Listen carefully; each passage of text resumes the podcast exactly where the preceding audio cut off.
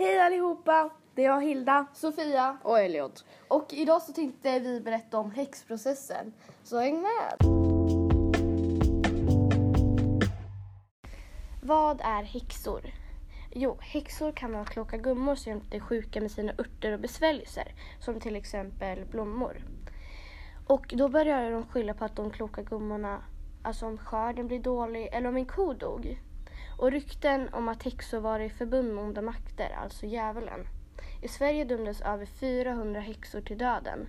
Vid förhören kunde vittnena säga, som barnen, att de har sett en häxa rida genom luften på en kvast. Ibland kunde hon ta med ett barn. Eh, och häxor kunde få förvaras i en jordkällare. Där kunde de få vara hela vintern.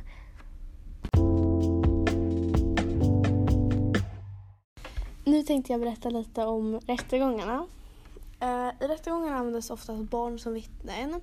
Och de berättade den ena fantastiska historien efter den andra och anklagade folk för att vara häxor. Och det var främst kvinnor som var häxor. Eh, och man sa att de trodde på djävulen. Eh, egentligen så var det inte tillåtet enligt landslagen att använda barn som vittnen. Men likväl skedde detta i stor skala. I rättegångarna så satt bland annat domaren, rättens ledamöter och kyrkoherden och trodde på allt. Visste du att 60 personer fälldes och dömdes till döden? För att de återstående 11 personerna kunde rätten inte komma till något avslut utan överförde ärendena till den statliga trolldomskommissionen under ledningen av landshövding Carl Larsson Sparre i Härnösand. De skulle också ta hand om de 60 andra dödsdömda, person, dödsdömda personerna. Ungefär 71 personer dog av halshuggning.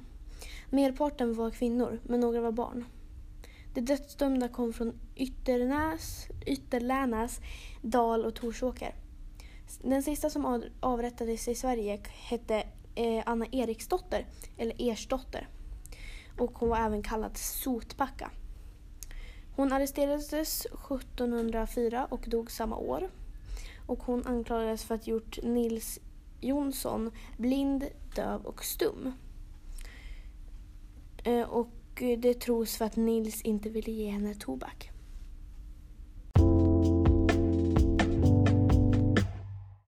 Så, då tänkte jag berätta lite om händelser och andra saker.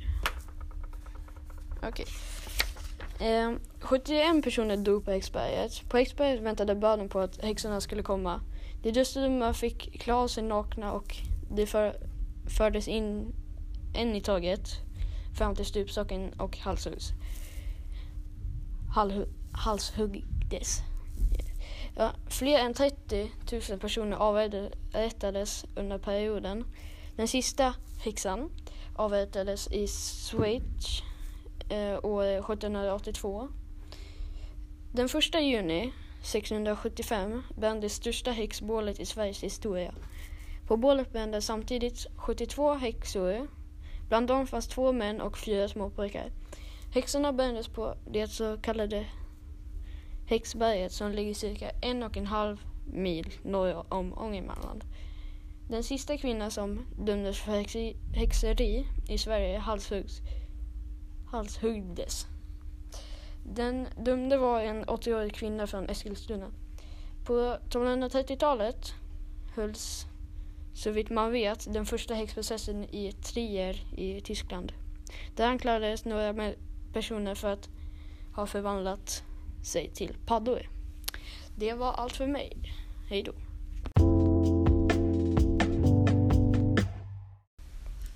På Blåkulla såg barnen kanske någon familjesläkting som dansade med djävulen. De dansade hela natten lång. De sa att djävulen hade två horn och var röd, men var det verkligen sant? Men till slut satte några kloka vetenskapsmän och präster stopp på häxjakterna. De förklarade att de stackars kvinnorna hade dödats på falska anklagelser och varit rena fantasier. Men barnen som sagt att de har varit på Blåkulla då? Jo, vuxna kanske hade tvingat dem att ljuga. Men ute på Europa så fortsatte häxjakterna ända till på 1700-talet och tusentals kvinnor dödades. Och 1400-talet till 1600-talet så hölls häxjakten på i Sverige. Tack för att ni lyssnade.